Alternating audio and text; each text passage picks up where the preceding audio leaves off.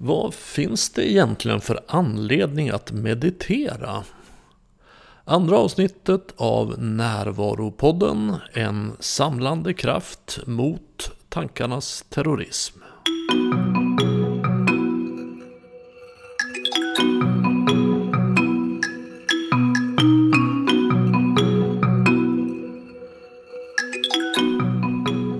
Känns roligt att vara igång med podden som den är tänkt att vara. Alltså ett samtal med personer som på olika sätt arbetar för att väcka oss ur tankarnas mardröm och som stöder oss i att vara vakna. Hör gärna av dig med tips om du har någon intressant person som du skulle vilja höra här. Det bästa sättet att kontakta mig är nog via min hemsida renander.nu och där hittar du också fler avsnitt av podden. Idag träffar jag Magnus Frid. Han är delägare i Mind Apps som producerar digitala lösningar inom mindfulness. Och han var med och startade Mindfulness-appen som jag själv har använt i många år och rekommenderat till mina klienter. Den är ett bra stöd för den som vill börja meditera. Magnus undervisar också i ashtanga yoga och meditation. Och hans främsta inspirationskälla är den tibetanska buddhismen som han har studerat i många år. Eh, Magnus är nu aktuell med boken Viloläge som är en bok som på ett handfast och tydligt sätt beskriver hur man mediterar. Den ger konkreta instruktioner till många olika tekniker och Magnus delar också generöst med sig av sig själv i boken. Frågan som jag framför allt vill prata med Magnus om idag är dock inte hur man mediterar utan varför ska man meditera? Vad ger det? Här får du Magnus Frid. Jag tänker mig att lyssnaren av den här podden Ja. är en person som ja, är intresserad av närvaro, mindfulness, meditation. Och, men, men vet inte riktigt vad, vad, vad kan det ge mig i livet? Var, var, varför ska jag hålla på med det? Vad, vad skulle du vilja säga till en sån människa? Det kan ge dig ett verktyg där du kan förstå din inre värld på ett nytt sätt. Och du kommer att kunna agera. Du kan, du kan förstå vad i ditt liv som bidrar till positiva mönster och vad som bidrar till negativa mönster. Och i den perspektivförflyttningen så kan du dels förstärka de sakerna eh, som är mer gynnsamma för dig och samtidigt förstå vad du kanske ska backa lite undan ifrån. Och detta kan ju, för att komma dit så kan det ju handla om saker som stress, eh, medkänsla, relationer och så vidare. Det beror ju på vad som, vad, vad din eh, oro, rädsla, vad, vad som upptar ditt sinne så att säga.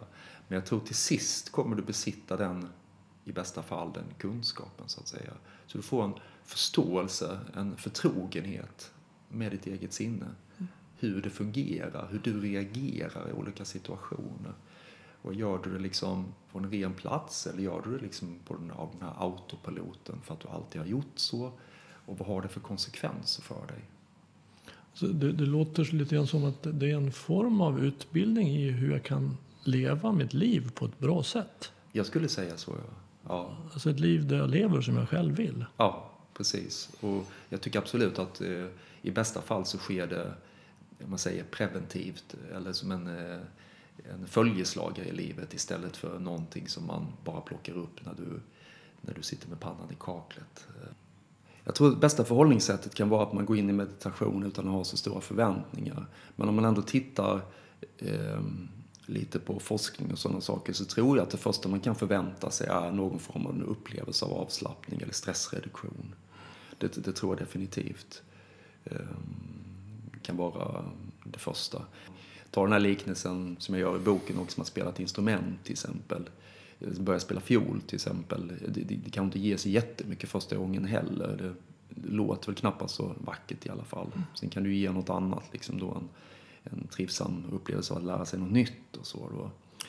Men eh, att, att det skulle liksom ge en skön musik efter två, tre gånger, det tror jag är lite väl högt uppställd förväntning. Då. Och, och meditation, jag brukar säga att meditation är inget annorlunda. Liksom. Det, är en, eh, det är någonting som man kan träna sig till. Och, och med det så tycker jag också det gör det väldigt demokratiskt. För att det är inte så att vissa är utvalda som kan meditera. Liksom. Det är en väldigt förlegad bild tycker jag. Liksom, då att vi, man ser den här bilden av munkar som sitter och mediterar. Alla kan lära sig det. Det är som att gå till gymmet ungefär. Men det, du måste träna. Och du kan aldrig bli, som jag brukar säga, du kan aldrig bli en teoretisk meditatör. Liksom. Det funkar inte heller. Då blir det bara tomt prat på något sätt. Så, så att man måste göra det och du måste göra det tämligen ofta, precis som allt annat du tränar. Eh, och efterhand så kommer olika effekter. Jag brukar också använda liknelsen med att träna upp sina muskler. Ja, absolut. Så om man vill ha större armmuskler så ja, gör du 50 armhävningar om dagen. Mm. Och så börjar man första dagen och gör 50 och det är jättejobbigt. Mm. Och andra dagen så har man träningsverk och det är ännu jobbigare. Och tredje dagen ännu jobbigare. Efter man ändå gör det här och en vecka ställer man sig framför spegeln och ser att jag har inget resultat alls. Nej. Det har inte hänt någonting. Det har varit jobbigt och tråkigt. Och då slutar man. Det här med armhävningar är inget för mig. Det kanske funkar för andra, men, men jag, det verkar inte vara något för mig. Men att då fortsätta. Mm. Och efter en månad så, ja, då har man, eh, då går det lättare. Mm. Då har man varit förvis. Man, kanske, kanske syns det någon skillnad på armen när man står framför spegeln. Efter tre månader så går det mycket lättare och, och då är det skillnad. Då kanske till och med någon annan säger, du, har du börjat med armhävningar? Du, det verkar vara någonting med dig som inte var förut. Mm. Men, då, men för muskler så är det ju väldigt mycket lättare att se vad jag kan få. Andra har sådana armmuskler. Och, Men för meditation tror jag det är svårare. Jag menar, att det är svårare för människor att liksom greppa vad, vad är det man får. Jag hör att det är en sak som du säger är att du har fått tillgång till en sorts vittne. Exakt ja, vittne eller observatör, iakttagare eh, som, som ställer sig i en ny perspektivposition. Exakt. Och, och det skulle jag säga, det är grejen.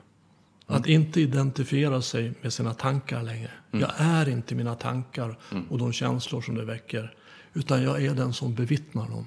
Mm, det är bra uttryck tycker jag. Mm. Och, och det kan ju låta som kanske egentligen bara en lek med ord. Men det är liksom grejen. Det är hela skillnaden. Jag tycker, jag, för mig låter ju inte alls det där som en lek med ord. För mig låter det precis så som det upplevs. För, för du, du, du placerar ju en del av sinnet som iakttar just tankar, känslor, kroppsförnimmelse.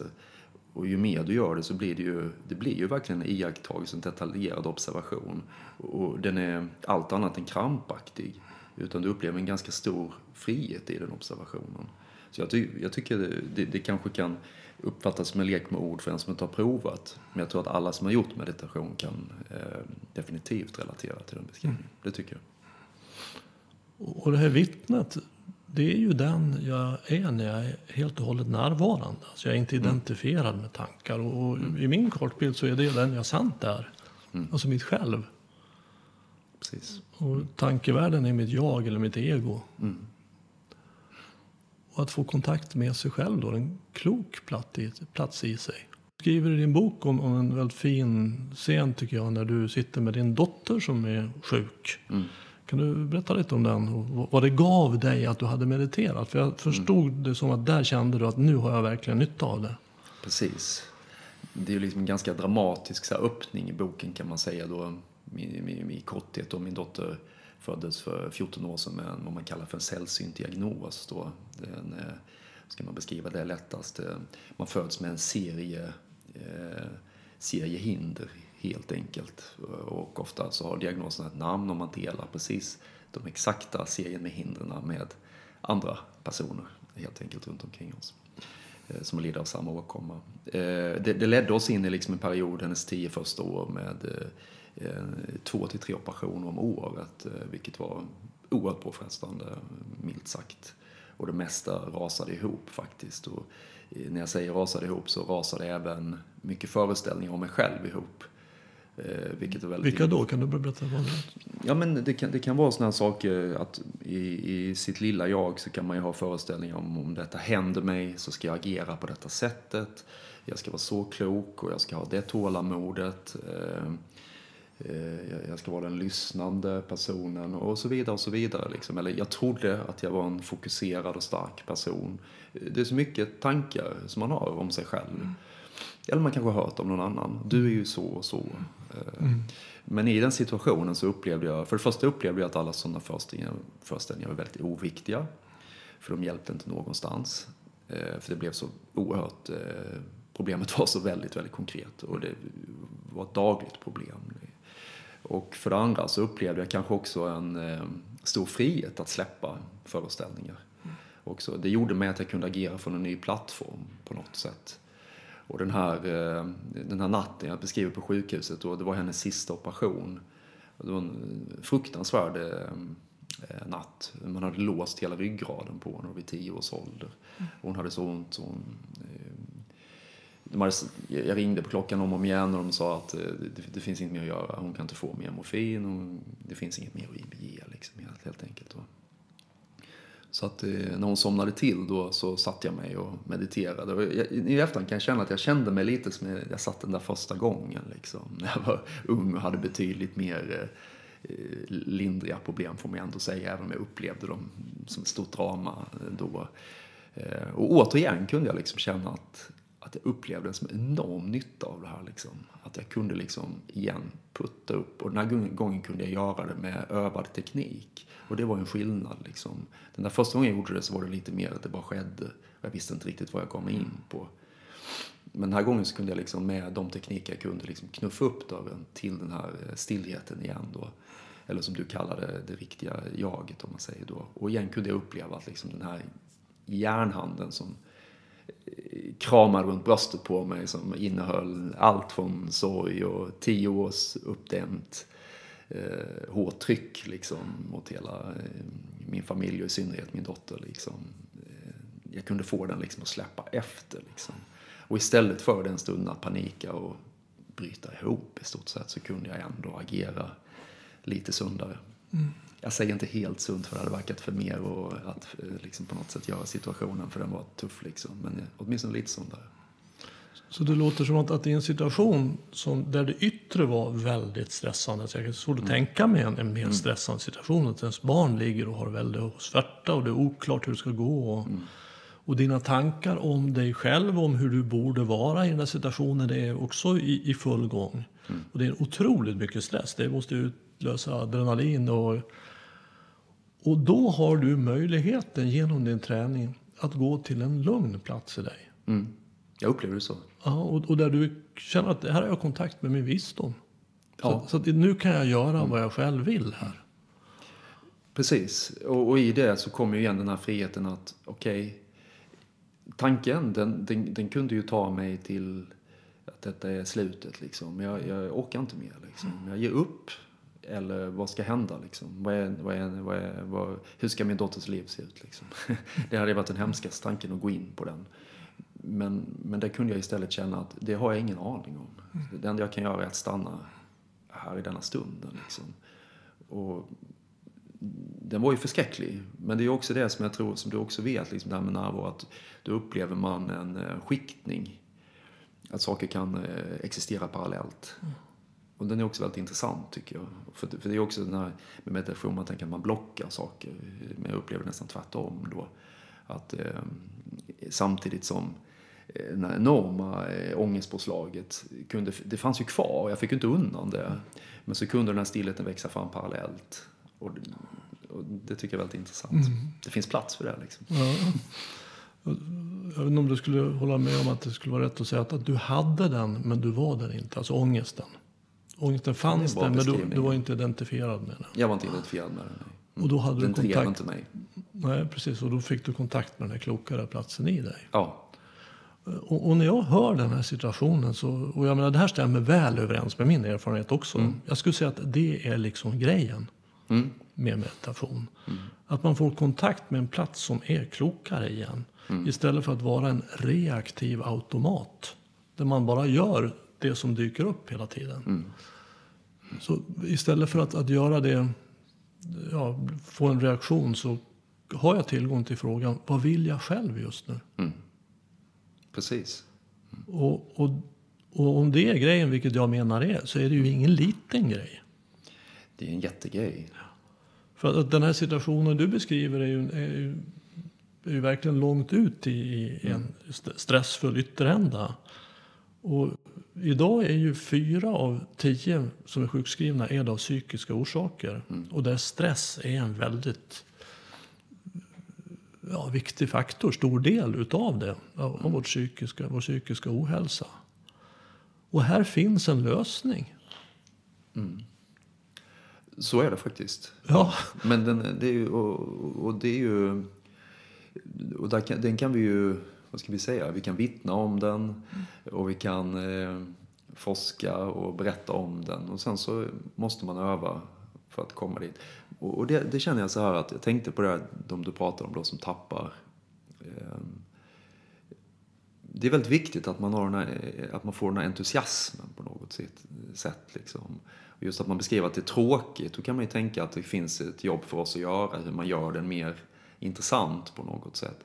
För jag, för jag tror liksom att eh, man kan liksom göra det, man gör det liksom till en, till en eh, rutin. Sitter korta pass varje gång och slutar när det nästan är som bäst, eh, när man pikar så att säga och inte slutar när det börjar göra ont i benen. Att du ska hela tiden skapa det här beteendet att du vill komma tillbaka till det, upprepa det om och om igen. Och med tid, när du slutar tänka på effekten, då kanske den kommer av sig själv. En metafor jag brukar använda det, det är att det är en, att vad meditation är, är att det är en närvaroträning. Alltså man stärker sin närvaromuskel. Ja, Och, och när man blir närvarande så kommer man ju till allt det här. Alltså lycka och frid och, och glädje. Det, det finns här precis intill. Även när man sitter då vid sin dotters sjuksäng så finns det där intill. Men det är bara att vi kommer inte dit. De, de flesta har inte en tillräckligt stark närvaromuskel. Jag, jag brukar, en- metafor som jag brukar använda är att vårt inre är som en orkan. Och, som, och den, de är ju väldigt kraftfulla. Alltså, de suger upp eh, träd och bilar och hustak. Men i centrum av en orkan, en tornado, förlåt, det är inte en orkan, en tornado jag menar. I centrum av en tornado så är det helt stilla. Så är man uppmärksam så kan man gå där. Och det är en bra metafor för vårt inre. För att är man, är man, när man är ute där så är det liksom... Nu ska du gå... Nej, men jag är fruktansvärt... Och i centrum är helt stilla. Båda platserna finns i tornadon och båda platserna finns i oss. Men det finns ju en centrifugal kraft i tor- tornadon och det gör det också i oss. Att vi, vi, vi behöver vara uppmärksamma för att vara kvar i centrum. Och vi behöver ha en närvaromuskel som är tränad för att kunna ta oss in till centrum. Och har vi inte det så är vi förlorade i våra tankedraman. Mm. Det är jättebra uttryck tycker jag. Och, ehm, det är ju helt en bild som jag tycker stämmer väldigt, väldigt väl. Och det kanske också är liksom att man fortfarande tror det här, liksom att det handlar kanske om att föra undan och blockera. Men ehm, jag tror att det finns någon så här en sägning som säger till att du säger att du, du ska inte lägga till något och du ska inte ta bort någonting. Egentligen är det så enkelt det är då. Och de är ju fantastiska de här zenbuddhistiska sägningarna. Samtidigt så blir de ju ganska, eh, hur ska man säga, de är ganska dåliga insäljningar för meditation. För det känns som att man inte ska göra något alls liksom och det händer ingenting i stort sett då liksom. Men, men redan nu när vi pratar så händer ju ganska mycket får man ju ändå säga då. Och det händer ju så mycket så att eh, det har förändrat eh, både ditt och mitt liv eh, ganska stort. I grunden. I grunden, ja. Och det är ju, det är ju någonting. Det, det är inte ovanligt att, att när jag då rekommenderar klienter att meditera, att göra det då 10 minuter om dagen och så kommer de tillbaka efter en vecka. Och, och då säger de så här. Ja, Bengt, jag, jag har, har provat här, men det gick inte att meditera. Nej, vad, vad då? Vad var det som inte gick? Nej, jag började tänka, säger de. Ja, just det. Ja.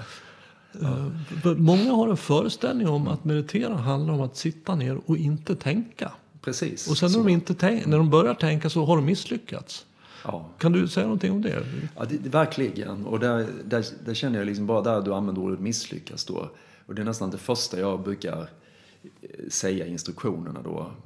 För man kan nästan se i en grupp vi är så olika. En del är liksom väldigt mjuka mot sig själva och de liksom, man ser på hela kroppshållningen att de, de, de tar till sig instruktionen och de ser vad som händer, undersöker. Och andra är mer liksom, försöker förstå det liksom, och vill i, i, ska säga, nästan erövra det, liksom, att jag, jag kan det här. Liksom. Och, eh, jag tror att jag var lite mittemellan kanske på något sätt. Då. Så att vi alla är olika, inget bättre och sämre då.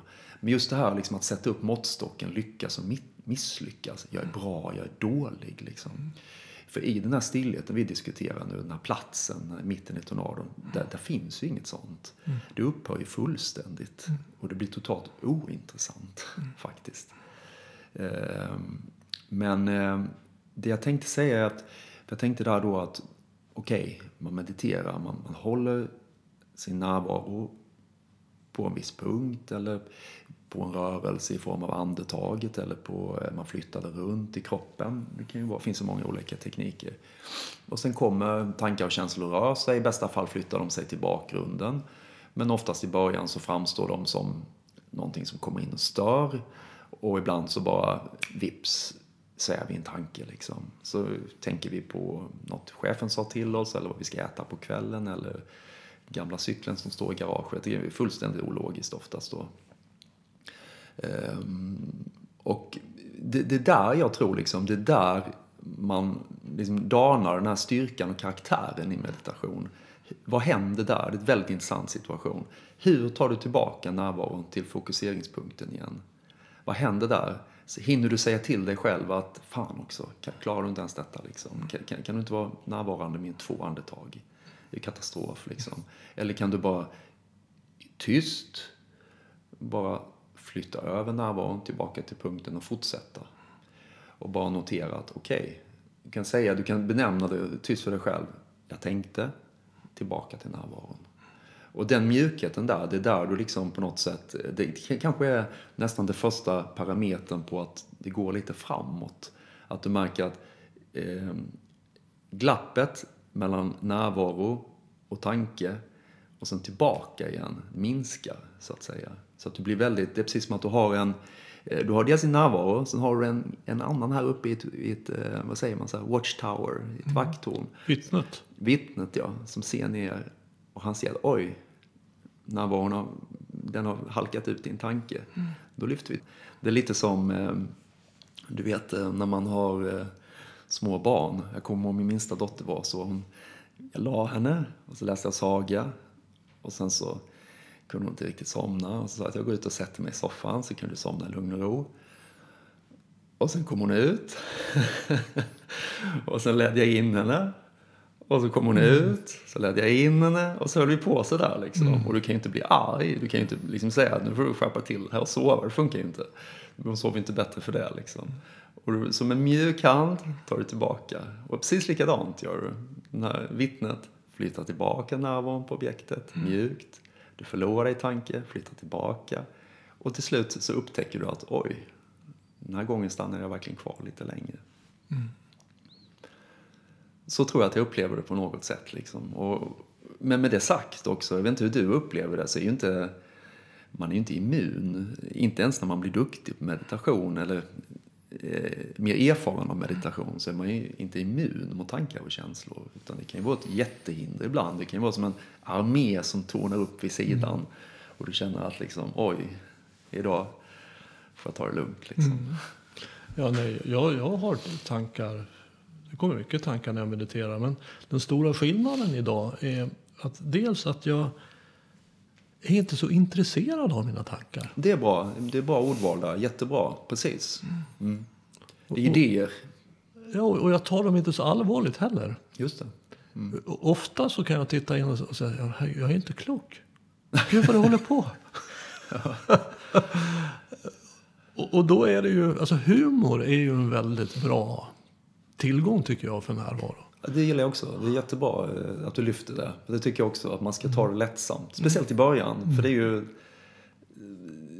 Det tänker jag igen när jag sa det där tidigare, liksom, att de här bilderna jag hade av mig själv. Liksom, eller vi alla har oss själva. Och, så, och så, så, sätter man sig ner. Du kan ju ha en bild av att du är en väldigt fokuserad person. Hela omvärlden har sagt till dig att du, du har fokus, du, du kan minsann plugga och du är alltid koncentrerad och bara lyssna och så. Så vänder du blicken inåt och ska hålla din närvaro still på andetaget. Och du märker att du kan inte ens fem sekunder. Det är inte så bra styrka att vara fokuserad. Liksom. Och där tycker jag man kan ta till humor verkligen. För vad, är det som händer med inre dramorna liksom? Och, du kan, och där kan man till och med, det finns vissa sådana övningar där man kan leka lite med det, man kan kategorisera dem.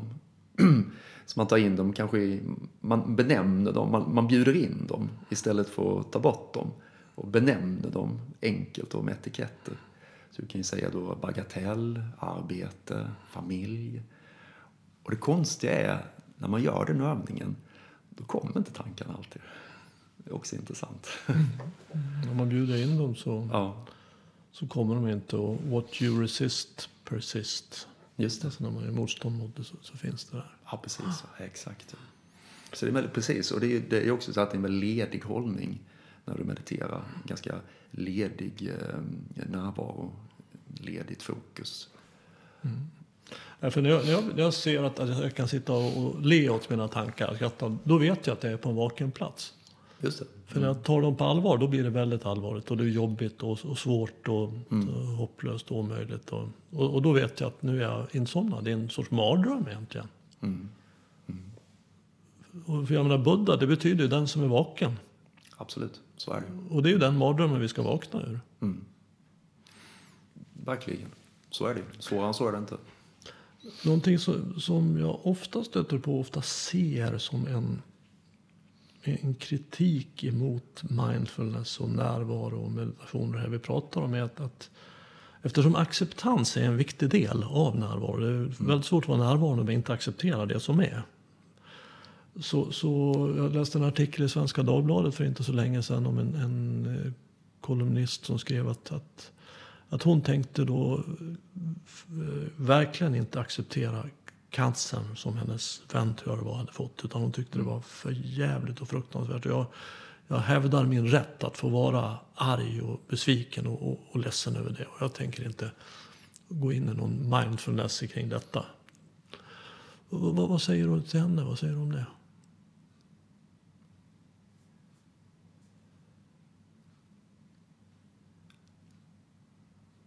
Det är en svår fråga. Så, alltså om man tar det specifika fallet så är det ju jätte, jättesvårt att ge en person i det fallet om råd.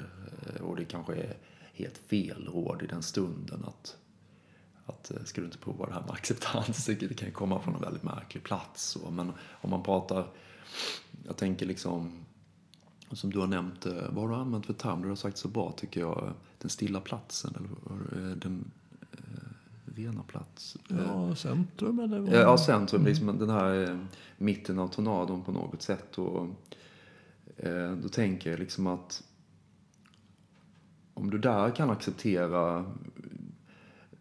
Hon måste ju acceptera att hon är arg och ledsen och allt. Du kan ju tänka som människa känner. Liksom. Man, känner liksom, man kan känna konstiga känslor, att det är orättvist och, och så vidare. Varför just hon och, och så vidare. Då. Ganska ologiskt ofta är det ju liksom. Då, kanske till och med någons fel. Liksom. Den skulle fått istället. Eller, och så vidare. Det är ett resonemang som... Men om man är, om, och då kommer man ju till den här platsen och då tror jag liksom att eh, det jag tror är att ilska är ju inte fel. Men, men eh, om hon kan tillåta sig att känna det på ett renare sätt än att det bara slår tillbaka mot henne liksom. Och blir som en, en demon som nästan greppar tag i henne när hon inte ens är närvarande i det helt enkelt. Men jag tror att om hon skulle göra eh, hamna på den här platsen i mitten av tunneln så skulle hon kunna acceptera att allt det här finns och därifrån handla på ett lite, ska jag säga,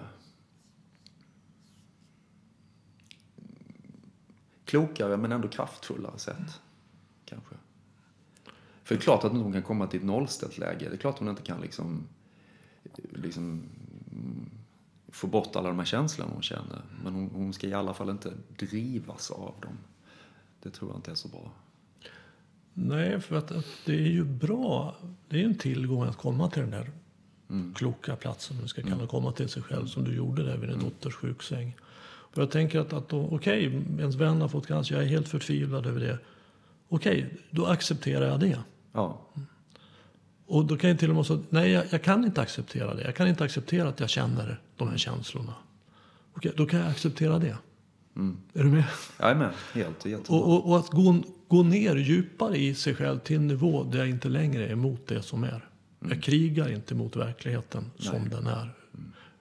Och i det ögonblicket så skiftar ju livet. Istället för att, att, att verkligheten blir min motståndare som jag ska kämpa emot. Så blir det min allierade som jag kan dansa med. Men det är inte jag som för. Utan jag följer. Precis. Och jag tror, jag tror, du får rätta mig nu med den här artikeln. Det, det blev väl liksom en, eh, blev det inte en liten debattserie? Eh, Den här acceptans och att man försökte vända då liksom acceptans, lite det här hela det här begreppet mot mindfulness på något sätt. Som att eh, det är nästan eh, eh, något korkat över det. Att man ska sitta ner och acceptera orättvisor orättvis och kränkande beteende. Vad som, allt ska du bara acceptera. Men, men precis som du beskriver så är det ju inte så. Nej, för, för det, är ju, det är ju en väldigt vanlig missuppfattning och jag kan ju förstå att den kommer. För de pratar om acceptans, mm. vad då acceptera? Det är ju så mycket orättvisor i världen, det är ju fruktansvärt, så ska jag bara acceptera det? Mm. Men det, är ju med, det bygger ju då på uppfattningen att acceptans innebär att jag inte gör någonting åt det. Mm. Bara för att jag accepterar det. Men att jag, kan ju, jag brukar ta ett exempel om man öppnar kylskåpet och, och mjölken åker ner i golvet. Mm. Exploderar där. Alltså, d- d- den, det vanliga reaktiva dramat är ju naturligtvis att skrika och svära och vem har ställt dit den? Jag så fan, jag har sagt att den ska stå exakt, Och, och kommer var till, det, var inte mitt i alla fall. Liksom. Så, ja. kommer man till jobbet och säger att vet du vad som hände i morse? Hela dagen är förstörd. Mm. Och ett accepterande förhållningssätt innebär ju då att man öppnar dörren, mjölken i golvet. Okej. Mm. Och man säger inte okej för att man ville att det skulle hända. Nej. Det var inte så att man, det skulle vara spännande om mjölken åkte i golvet idag. Utan man säger okej för att mjölken är där. Mm. Alltså jag är inte längre emot det som är. Nej. Och att mjölken, att jag säger okej till att mjölken är där innebär ju heller inte att den behöver ligga kvar. Nej. Utan jag har energi, jag kan torka upp den. Och, och jag, har, jag lägger min energi där istället för att vara emot det som är. För vi har ju alla en begränsad energimängd att göra av med under dagen. Men det är också, det är, också det, det är inte heller att, eh, om vi nu tar den enkla hän- händelsen, det är ju bra att ta sådana händelser tycker jag eftersom det vardagen ofta ser ut så. Det är också så här, det, det, kan, det kan ju vara så att någon ska ha en liten tillsägelse av att mjölken alltid placeras fel. Men om den kommer ur den här impulsen då, då kommer den oftast från en dålig plats på något sätt. Den kommer från ett drama där du inte riktigt vet vad som händer och sker. Det ger ju en möjlighet att vara konstruktiv i verkligheten. Konstruktivt, tack. I Bra. verkligheten. Precis. Istället för att gå in och vara destruktiv i en mardröm. Ja, precis. Alltså, alltså att jag, varför ska alltid det här hända och att folk de lyssnar på Mm. Du som gör allt, varför ska du få detta mot dig liksom? Ställer alltid upp och ingen lyssnar. Och så, ja. Då börjar det här dramat liksom. Då kommer vi in på de här eh, där det blir ologiskt och oftast väldigt emotionellt. Och, och när man är där så har man ju inte kontakt med sig själv. Så att, att jag kan ju liksom göra saker som jag sen ångrar svårt och djupt. Alltså jag har gjort saker, sagt saker som, som verkligen jag inte kan stå för. Utan jag, jag tappade bort mig själv, förlorade mig själv i det. Så när jag kommer tillbaks till kontakt med mig själv så vad har jag gjort? För vi, vi är ju verkligen levande instruktionsböcker för våra barn i hur går det till? Vad gör man när saker och ting inte blir som jag vill? Hur löser man konflikter? Och titta på oss. Okej, okej, så de. Det går bra. När det inte går som jag vill, okej, då skriker man och skyller ifrån sig. Okej, bra, då, tack, då vet jag. Jag jobbar också en, en hel del med par. Och, och om det finns någonting som, som triggar igång oss och, och våra rädslor och, och begär så är jag vet få saker som gör det så mycket som just parrelationer. Alltså ens partner har ju en enorm förmåga att trycka just på de punkterna som får en gång. Kan du säga någonting om det? Hur använder du det i din relation? Är är din partner också mediterar? Och ni, har du förändrat relationen på något sätt? Eh, det är precis som du säger så att det, det, par är ju det är komplicerat och man kan lätt trycka på varandra. Alltså man har oftast en historia, i mitt fall så en väldigt lång historia, en ungdomskärlek. Vi träffades i, i vår, vår hemstad Karlshamn när jag skol, gick i, på gymnasiet. Ehm, och min fru Ida hon eh, yogar mycket och är nyfiken på meditation men är, har väl aldrig riktigt tagit det klivet som jag har gjort in i det. Men hon är öppen. Men eh, som jag ser det så, vad ska jag säga? Det vi är väldigt bra på är väl att samtala, vi pratar väldigt mycket. Och eh, hela, hela vår familj pratar ganska mycket. Och det har också känts eh, väldigt, väldigt värdefullt med tanke på eh, min dotters eh, eh, historia då. Och vi har hela tiden försökt hålla högt i tak. Att man får berätta hur man känner och, och eh, i bästa fall så orkar, eh, orkar någon lyssna också. Och eh, inte bara vänta på att få säga sitt nästa utan att Sen i stridens hetta så jag känner att jag trevar lite för det, det, är ju liksom så att det är så himla, jag tycker det är så svårt det där. Det känns som hela tiden man hoppar upp på någon hög häst liksom och um, lite bättre eller något sätt. Men jag tycker, jag tycker, jag bjuder gärna på det. Jag tycker vardagen kan vara riktigt tuff liksom.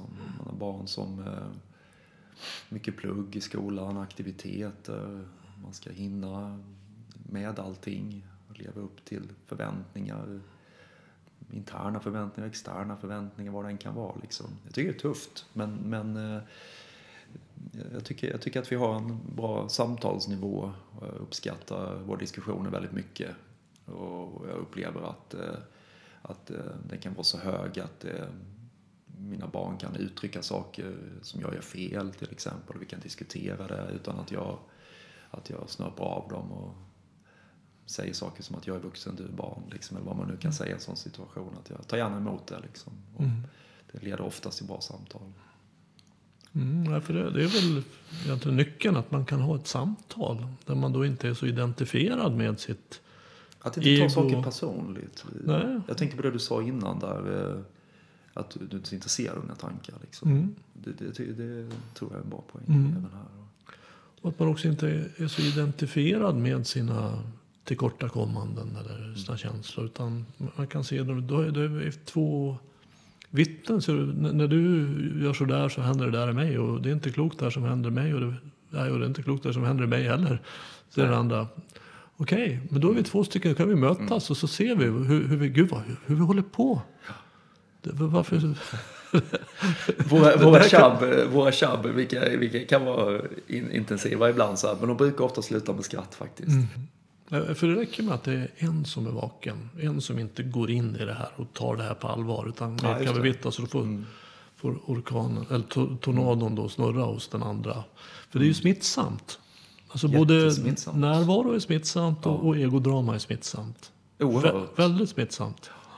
Och det är ju, både du och jag har ju barn som, eh, mina är i tonåren och, och, och dina är förbi tonåren, mm. tror jag va? Alla, mm. ja, ja. Och eh, där är, känner, där är det jätteviktigt att inte dras med. Du ska ju bara stå still. ibland är det din enda roll i stort sett faktiskt. Och ibland är till och med rollen bara att vara tyst. Den, roll, och den här tystnaden den kan, den kan dels vara att bara rida ut något som måste ut och den kan också vara en tystnad som inväntar ett samtal. Men om du aldrig tystnar liksom, så är det ju väldigt lätt att missa en tonåring. För de kanske, som min dotter till exempel, hon kommer ner i i, på vår nedervåning ett antal gånger per kväll. Mest är hon uppe på sitt rum. Men eh, då kan det vara oerhört värdefullt att, eh, att vara tyst och att inte göra något annat. Mm. För då blir det oftast väldigt fina samtal. Mm. Om jag ägnar mig åt någon, någon, dator eller telefon så är jag inte så tillgänglig mm. helt enkelt. Och ibland lyckas jag med det och då tycker jag det är fantastiskt. Men just det där att, att eh, som tonårsförälder är det ju din roll. Du, för det första vet ju om tonåringar att deras hjärna är inte fullt utvecklad och de agerar oftast från en, eh, från en väldigt dramatisk punkt. Och det gäller ju bara att eh, inte ta det personligt.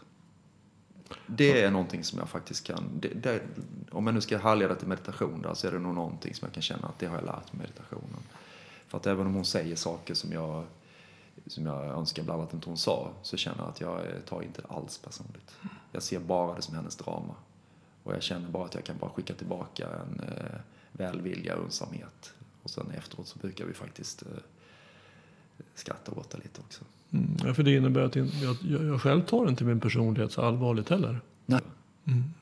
Du, du sa tidigare någonting som jag skulle vilja att du, se om du kan utveckla. Och det var att, att när man väl har börjat meditera och kommit till den här vakenheten, om man ska kalla det så, så att det, det finns ingen väg tillbaks. Mm. Kan du säga lite mer om det? Hur tänker du där? Det, eh, den sägningen den kommer faktiskt från boken och den handlar om när jag eh, den relaterar då till när jag upptäckte meditation det här tillfället då hemma i min eh, första lägenhet i Karlshamn. Jag testade första gångerna och så det kändes verkligen så. Jag touchade vid någonting som kändes som att wow, det här, det här är så bra för mig. Det, det, om, om jag ser och sidoser detta så gör jag ett stort misstag. Det var första gången jag kände liksom att det här, det här är någonting som är någonting annat. Jag hade ingen som helst förmåga att beskriva det med ord och knappt med känslor på den tiden. Men jag, jag tror att vi alla när vi upplever den villkorslösa eh, stillheten eller den här mitten av tornaden, att du står liksom stilla på en plats där saker kan röra sig fritt runt omkring dig och du kan känna en djup rofylldhet. Så tror jag verkligen att det är, att stänga den dörren igen är väldigt, väldigt svårt. Jag, jag kan inte se några skäl att, att, att göra det om vi vill leva ett mer närvarande liv eller en eh, mer kärleksfullt liv eller mer förstående. För mig är det fortfarande en gåta faktiskt varför man inte får eh, eh, en verktygslåda med eh, tekniker för att hantera stress, eh, oro, ångest och så vidare och så vidare eh, när man går i skolan från tidig ålder. Jag kan inte förstå varför inte. Därför jag säger inte att det måste vara mindfulness för att även jag jobbar med det. Men det finns så många fina tekniker som kan hjälpa till. Mm. Och det finns så många kloka människor som håller på med det. Så det borde vara någonting man ganska snabbt kan, kan föra in. Ja, för, för det, vad det i grunden handlar om är ju hur, hur hanterar vi det faktum att vi är en människa? Mm. Vi ska ju inte sluta vara människa. Vi ska inte bli av med våra tankar och våra rädslor och begär. Och, men det handlar om att, att de inte ska styra över mig. Ja. Så, så att, att få vara allting det här jag är, det är ju det det handlar om. Och rädslor är ju verkligen en sån sak. För att börja rädslor styra oss, inte de, inte de sunda rädslorna då såklart, utan de andra eh, sämre, giftiga rädslorna. Då, du, du, kan, du, kan ju sluta delta, du får undvikande beteende och du missar, eh, eh, du missar att få livet levt så att säga. Mm. Så. Så finns det ju det, ju det liv som du önskar leva ska man också säga då, inte som, som jag tycker att du borde leva. Mm. Utan det liv man känner, eh, en längtan att få leva. Liksom. Mm. Det är viktigt. Men, men precis det du sa, det här liksom att, att lära sig förstå livet.